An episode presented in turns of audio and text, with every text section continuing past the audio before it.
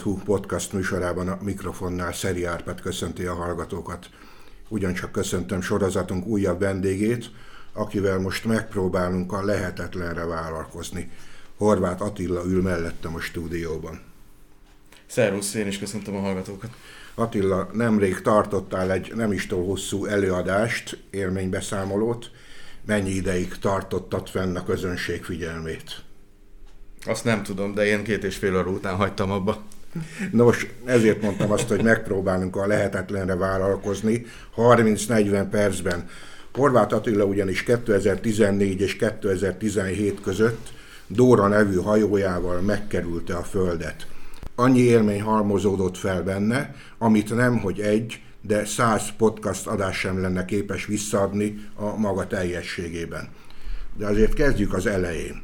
Attila, te víz mellett születtél? Már gyermekkorodban megtanultál vitorlázni, mint például nagy földkerülő elődeit Fanándor vagy Gál József? Vitorlázni nem. Víz közelben születtem, és ugye siagárdi vagyok, tehát a kertünket két oldalról egy-egy folyó veszi, vagy csatorna veszi körül, de, de hajózni csak felnőttként volt alkalmam. Megtanulni vitorlázni, meg már érett felnőttként. Viszont említettem itt két nevet, Fanándort és Gál Józsefet. Azt azért kijelenthetjük, hogy Gál Józseffel találkoztál, már később ugyebár, amikor a vitorlázás mesterségét igyekeztél elsajátítani. Igen, a Józsihoz jártam elméleti tanfolyamra, földkerülés után pedig az ő iskola hajóján volt alkalmam egy-két turnust elvinni, oktatni a, a tanulókat a nyíltengeri vitorlázás rejtelmeire. De Józsival azóta is jó barátságban vagyunk. Egyébként milyen volt a vitorlázás számodra, amikor fiatal korodban nekiálltál elsajátítani a fogásokat? Mit adott neked a vitorlázás? Hát én ennek kapcsán fedeztem fel magamnak újra a Balatont, azt a fajta létformát, amit a, a napközbeni hajózás, délutáni kikötés, esti kikötői hangulat jelentett, a hajónak a műszaki dolgaival való törődést, foglalkozást, karbantartást, szépítgetést, fejlesztést, biztonságának a megtartását. Úgyhogy ez egy nagyon komplex dolog, de természetesen az elsődleges azt hiszem az a természet közeliség, amit ez a a vitorlázás, hajózás igen kellemes úri passzió a Balatonon, ahol te is vitorláztál, vagy az Adrián, a kellemes szellő lengedez de a föld körülhajózása veszélyes üzem is lehet. Mikor kezdett benned testet ölteni a nagy terv, és mit szerettél volna bizonyítani vele, ha egyáltalán szerettél volna bármit is bizonyítani? Hát a terv azt hiszem, hogy akkor fogalmazódott meg bennem, amikor először barátokkal az Adrián hajót béreltünk, és egy hét után nem akaródzott elhagyni a hajót. Egész egyszerűen otthon éreztem magam rajta. Merre felé cirkáltatok ekkor? Az Adriai, horvátországi vagy dalmáciai szigetek között Zadar térségében. De azt hiszem, hogy Korcsuláig is eljutottunk az alatt az egy hét alatt. És, és akkor fogalmazódott meg bennem, hogy hát ez az egy hét nekem nem elég. Kell egy saját hajó előbb-utóbb, amivel az ember ki tud lépni az Adriáról, ki a földközi tengerre, a földközi tengerről még tovább ki a, az óceánokra, és hát az ember kilép Gibraltárnál, akkor, akkor ott kinyílik a világ kapuja, és bármerre mehet, és felfedezheti magának a világot. Úgyhogy ez olyan 1998 táján nyarán fogalmazódott meg élesen először. Előtte is akartam már sorkatona koromban is e, földet kerülni, de akkor még motorral. De, Úgyhogy ez még vissza van. Tehát tulajdonképpen ilyen nagy vonzása volt számodra, ennek az adriai vitorlázásnak.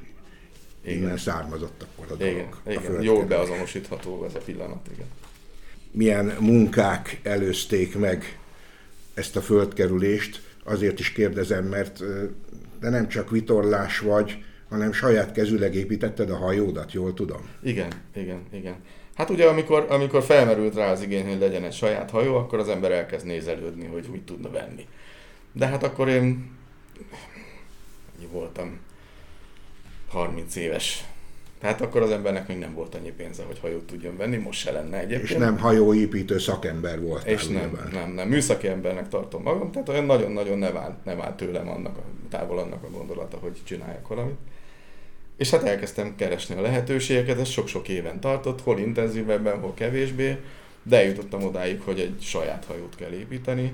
Ebben az Adrián később szerzett tapasztalatok is szerepet játszottak, tehát azt láttam, hogy egy bérhajónak épített Bavária, vagy Zsanó, vagy azok az elterjedt típusok, amikhez egyébként egy hétköznapi halandó hozzá tud jutni, nem elég jók arra, amire nekem kellett egy hajó, hogy igazi hosszú óceánutakat megtegyen az ember, és erre be nyilván beépült Gály József Fanándor tapasztalata is, amit hallottam tőlük, meg amit olvastam a könyveikben.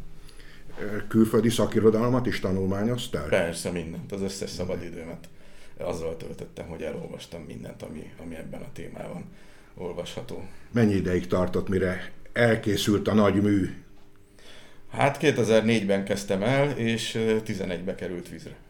Hát ez egy 7 éves munka volt, kemény igen, 7 éves igen. munka. Nem volt annyira kemény, az volt az alkú a családdal, hogy a család nem szenvedheti meg a, a hajóépítést, tehát nem lehet fölégetni a hajó miatt mindent, amit addig csináltunk Úgyhogy tényleg csak a szabad időben és a szabad pénzforrások terhére lehetett a hajót építeni. Talán ezért is tartott 7 évig.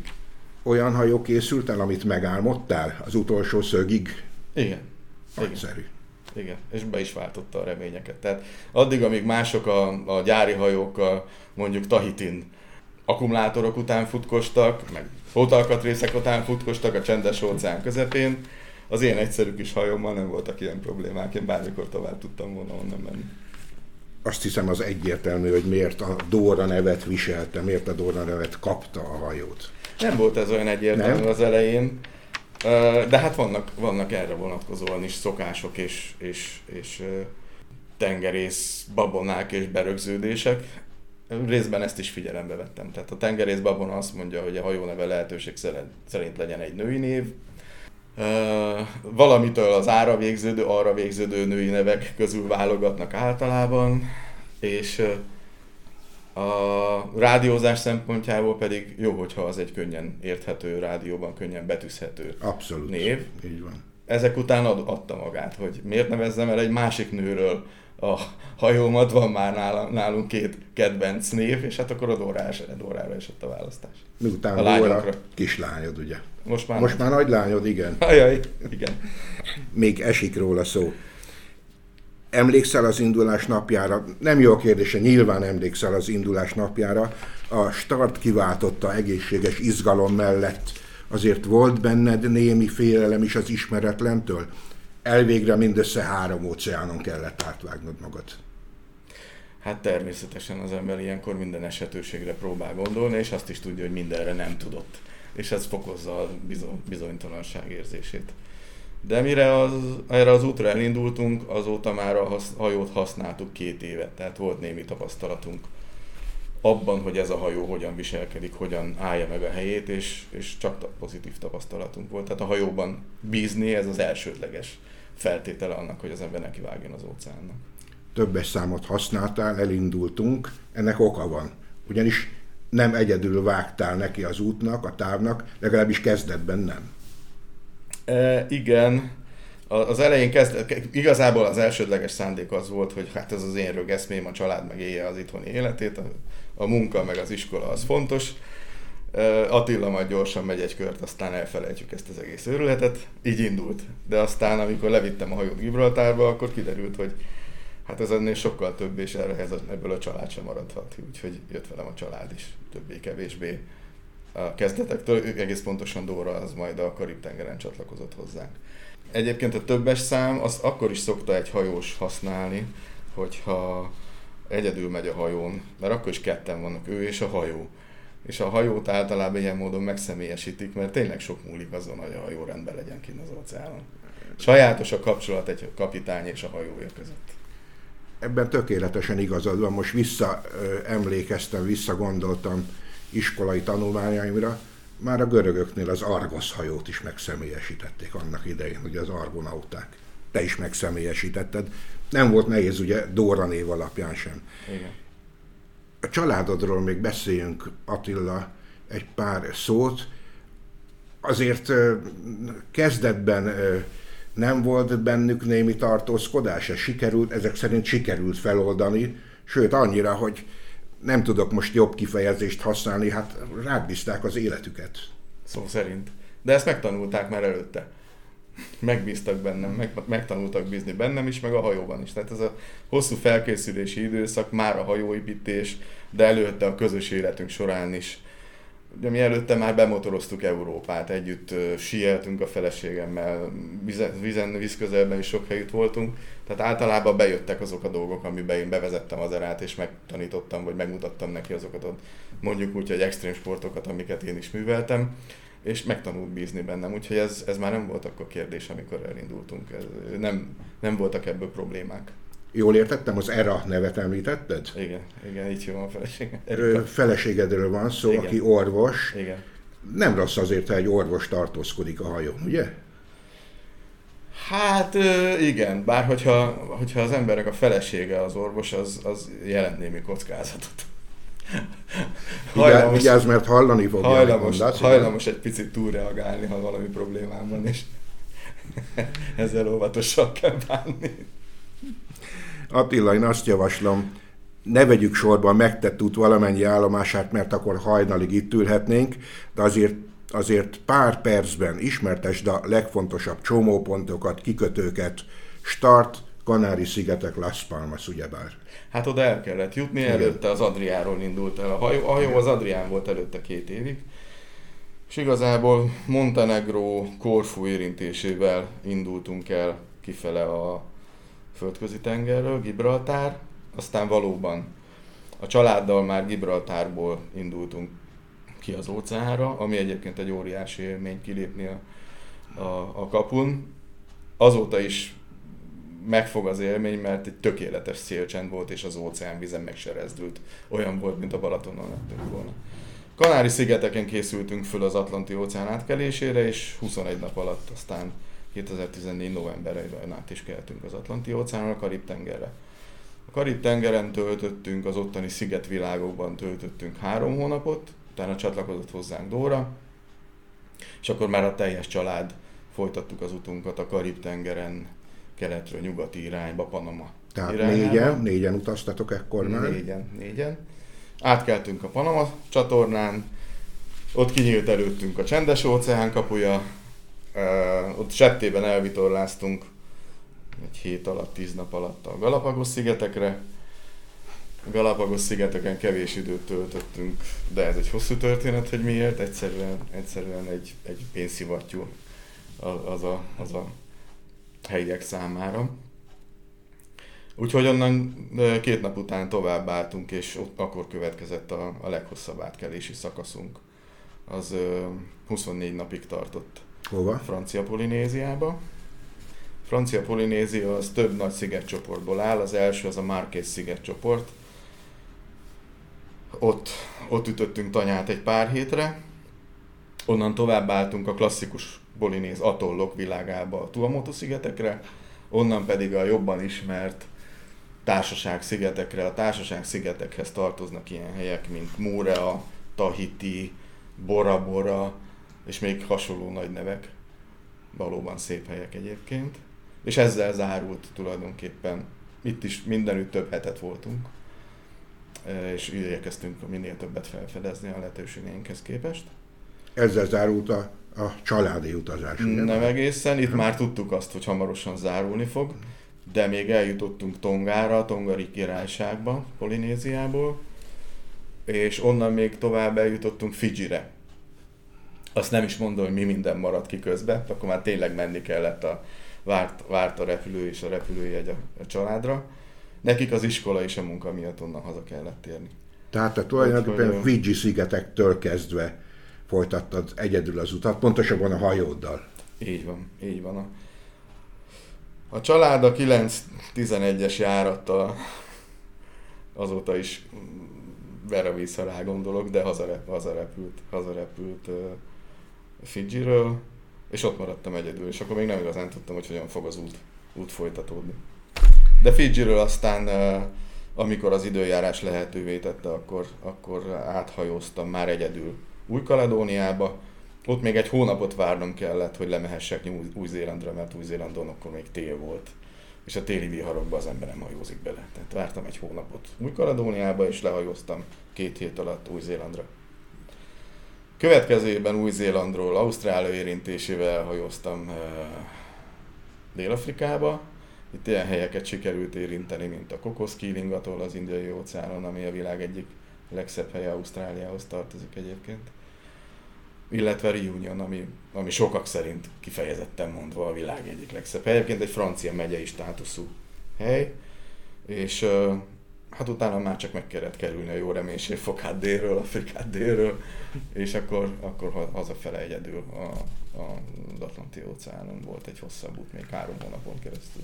Köszönjük a kalauzolást, az embernek fáj a szíve, amikor hallja ezeket a romantikus helyneveket, hogy Bora Bora, Fiji szigetek, Tonga, stb. stb. Rendkívül egyszerűen hangzott most, amit itt elmondtál, de azért hadd kérdezzek bele, kicsit olyan szenzációhajhász módon, hogy például átéltél nagy viharokat?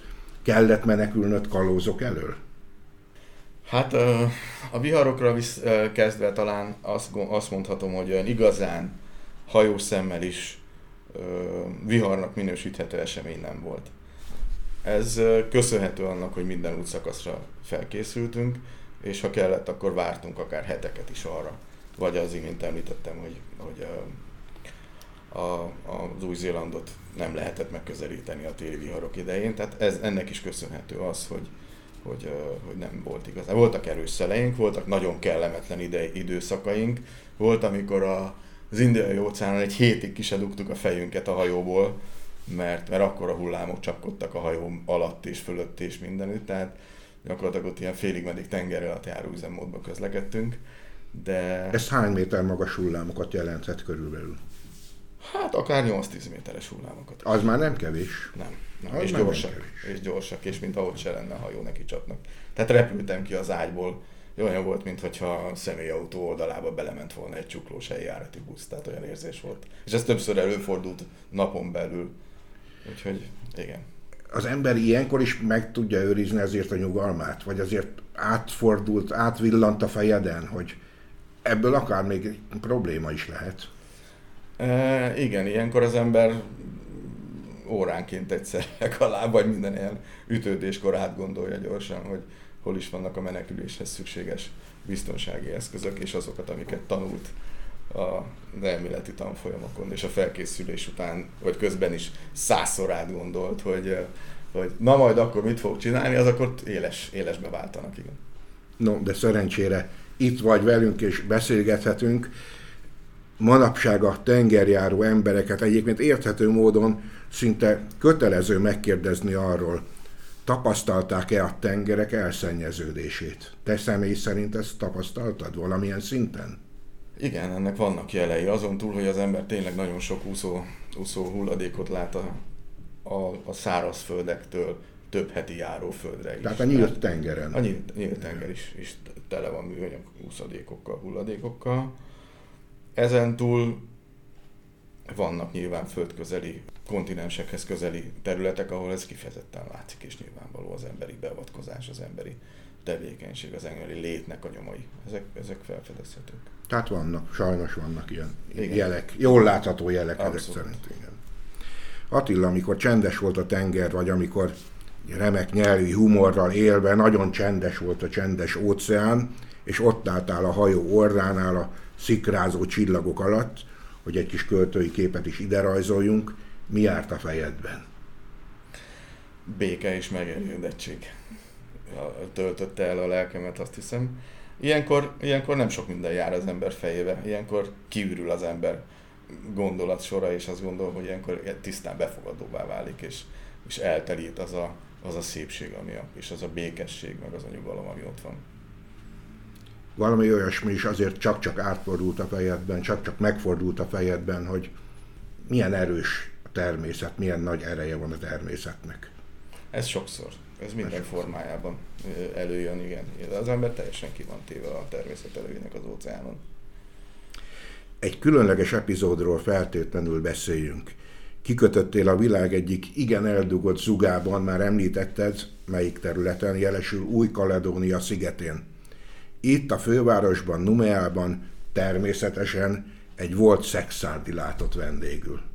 Meséld el, légy szíves ezt a történetet. Hát egy közös ismerősünktől hallottam, hogy, hogy, hogy, hogy, hogy van ott egy majd szexádi lány, aki, aki, aki már évek óta ott lakik, belga, belga férjével oda költöztek.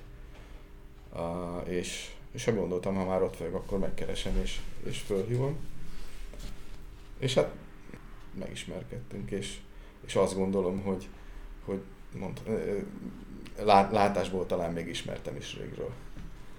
Őt is nagyon kedvesen fogadott, bemutatott az ottani többi magyarnak, párszor vendégül láttak, a férje, volt férje egész pontosan, aki, aki Hát Emma is egyébként a, a, egy hajón élt nagyon sokáig. A férje még mindig azon a hajón élt, ott a kikötőben, ahol én is voltam. Tegyük hozzá, férje is járt Szexárdon annak idején. Igen, és, és, a, és a férje nagyon sokban segített. Tehát addigra már nekem is volt egy-két apróság, amit meg kellett javítani a hajón. Ebben, ebben nagyon sokat tudott segíteni, és egy, egy nagyon, nagyon kellemes, elgondolkodtató élmény volt ez. Erre szoktuk mondani, hogy milyen kicsi a világ. Még Új-Kaledónia szigetén is összefut két Tolna megyei. Igen, de találkoztunk magyarokkal szinte. Gondolom máshol is természetesen. Igen. Hát a magyar zászlót látva nem volt ritka élmény az, hogy, hogy átkiabálnak más hajósok is. Tehát amerikai hajókon vagy mm, német hajókon is voltak magyarok, akik, akik utasként ott utaztak a, a, a, a, az óceánokon, és hát látták a, a magyar zászlót, akkor, akkor átkiabáltak magyarul, úgy alkalom volt megismerkedésre. Azért ez egy szívet megdobogtató élmény volt ilyenkor, gondolom. Abszolút, mindenképpen. mindenképpen. Attila, 2017 tavaszán bezárult a kör, azaz keresztezted 2014-ben megkezdett utadat. Ezzel beírtad magad a megye történelem könyvébe is. Tolna megyében nincs más, aki ugyanezt megtette volna hasonló körülmények között, és az egész országban is csak hatan heten előztek meg. Hogyan látod magadat mindezek tükrében? Hát mindezek tükrében ö, nem látom magamat, mert, mert, mert ez, ez, ez, ez nekem nem volt fontos, tehát nem volt, nem volt cél az, hogy én itt bárhova is beírjam magamat, vagy bármiféle rekordra, vagy, vagy extra megbecsülésre tegyek szert. Ez, ez, ez egész egyszerűen egy, egy adottság, ami, ami így alakult, véletlen volt. Nem gondolom, hogy ettől én más ember lettem, másként látom a világot, sok mindent tapasztaltam, nem csak a világról, hanem magamról is, de ezt megtapasztaltam volna más élethelyzetekben is, azt gondolom. Tehát mm, az, ez nem, nem. Nagyon szerényen nyilatkozol magadról, de én most nem hagylak békén akkor sem. Nekem ugyanis meggyőződésem, és ezzel biztosan nem vagyok egyedül, hogy a földkerüléssel te elképesztő teljesítményt nyújtottál. Ezzel nem csak magad, hanem a lakóhelyet, sőt a megye jó hírét is öregbítetted. Javíts ki, ha tévedek, de úgy emlékszem, hogy ezen teljesítmény okán amit te most itt nagyon szerényen igyekeztél redukálni, bár tudom, hogy nem teljesítmény miatt tetted, különösebb hivatalos elismerésben nem volt részed, sem akkor, sem azóta. Avagy őszinte örömömre helyre tudsz igazítani? E, nem volt igazából semmiféle hivatalos elismerés, de mondom még egyszer, ez, ez nem is hiszem, hogy, hogy érdemelne bármiféle ilyesmit, hiszen Hát Magyarországon ez nyilván annyira nem elterjedt, de azt azért tudni kell, hogy, hogy több száz vagy közel ezer hajó megteszi ezt évente. Utasként sok magyar jutott el már ezekre a helyekre vitorlással, és jelen pillanatban is van három-négy magyar hajó az óceánokon, akik hasonló projektben vesznek részt. Én azt gondolom, hogy lassan-lassan ez is olyan tömegsportá kezd válni, legalábbis adriai szinten, vagy a Balaton szintjén a vitorlázás, mint, ami a, mint amivé vált mondjuk a síelés a rendszerváltás után Magyarországon. Most nyilván a Covid utáni időszak egy kicsit újra, újraírja ezt a történetet, és, és, és ismét azt gondolom, hogy egyre nehezebb lesz ezekre, ezekre a vidékekre eljutni, de hát igazából azt gondolom, hogy a, ha mindent figyelembe veszünk, akkor ez nagyon-nagyon sokaknak lehetősége lenne, ha igazán akarnák. Engem annyi különböztet meg másoktól, más vitorlázóktól, akik csak beszélnek róla, hogy én, én tényleg nagyon akartam, és ezért nekivágtam. Jók voltak adott pillanatban a lehetőségeim. Csak egy utolsó lekonferáló mondat, és akkor békén hagylak ezzel a témakörrel. Nekem kolléga nem szokta megjegyezni kellő malíciával, hogyha Magyarországon egy labdarúgó tud rúgni egy egyeneset a labdába, azt, már ünnepli a félország. Természetesen mi nem értünk egyet ezzel a meglátással, mert a focisták igenis jó teljesítmény nyújtanak. Pont az ügy végére. Attila, azt mondják, hogy akit egyszer megérintett az óceán hívása, az előbb-utóbb visszatér a tengerre. Ezt tették nagy elődeid is, Van Ándor, Gál József, és még lehetne sorolni. Te forgatsz ilyesmit a fejedben? Persze, hát ez, ez, ez természetes dolog, azt gondolom, ilyen előélet után, hogy, hogy ez, ez, a, ez a gondolatkör nem veszik ki az ember gondolat, gondolkodásából. De konkrét tervem nincsen. Vannak lehetőségek, a saját hajó is megvan még, most éppen megszépül, megújul. Hol van egyébként a Dóra hajó? Ahol épült a családi házunk Udvarási Olgárdon. Tehát tulajdonképpen, mint technika történeti emlék, akár még meg is tekinthető. Most hát már. ez nem csak emlék, ez a hajó, ez, ez továbbra is ugyanolyan módon alkalmas egy hasonló földkerülésre. Tehát továbbra is működne. Nagyon jó állapotban mhm. van, és, és, és még, még csinosítgatom is, tehát lehet hogy, lehet, hogy pár év múlva még szebb meg jobb lesz, mint újkorában. És hát ki tudja, mit hoz az élet. Én továbbra is nyitott vagyok rá, és azt, amikor építettük, akkor is úgy gondolkodtunk, hogy megépítjük a hajót, valahol majd egy kicsit vitorlázunk vele, ez vagy a Balatonon, vagy az Adrián lesz, és ha úgy hozza a sors, és úgy uh, alakul a csillagok állása, akkor, akkor még lehet, hogy hosszabb utakra is eljutunk vele, és ez már megtörtént egyszer. Ki tudja, lehet, hogy még egyszer meg fog valami történni. Mert hogy merre jártatok? Hát uh, én most a, a, a földkerülésre gondolok. Ja, értem, hogy csak közben kivízél. Azt Igen. hittem, hogy azóta voltatok, de akkor... Nem, nem, nem. nem, nem. nem. Ez a saját hajóval nem. Tehát a földkerülés óta... Csak kisebb projektek voltak, a földkerülés óta volt alkalmam Dél-Franciaországból elhozni egy, egy nagy luxusvitorlást az Adriára, illetve részt vettem egy másiknak az építésében is. Attila, reméljük, hogy valóra válthatod egyelőre még nem igazán konkrét terveidet, és egyszer majd ismét tengerre szállsz, és újból azt kívánhatjuk neked, hogy jó szelet, kapitány. Köszönöm szépen, és a meghívást is köszönöm. A teor.hu podcast hallgatóinak pedig köszönöm, hogy velünk tartottak. Kérem, őrizzék meg ezen jó szokásukat a jövőben is. Elköszön Önöktől Szeri Árpád a Viszonthallásra.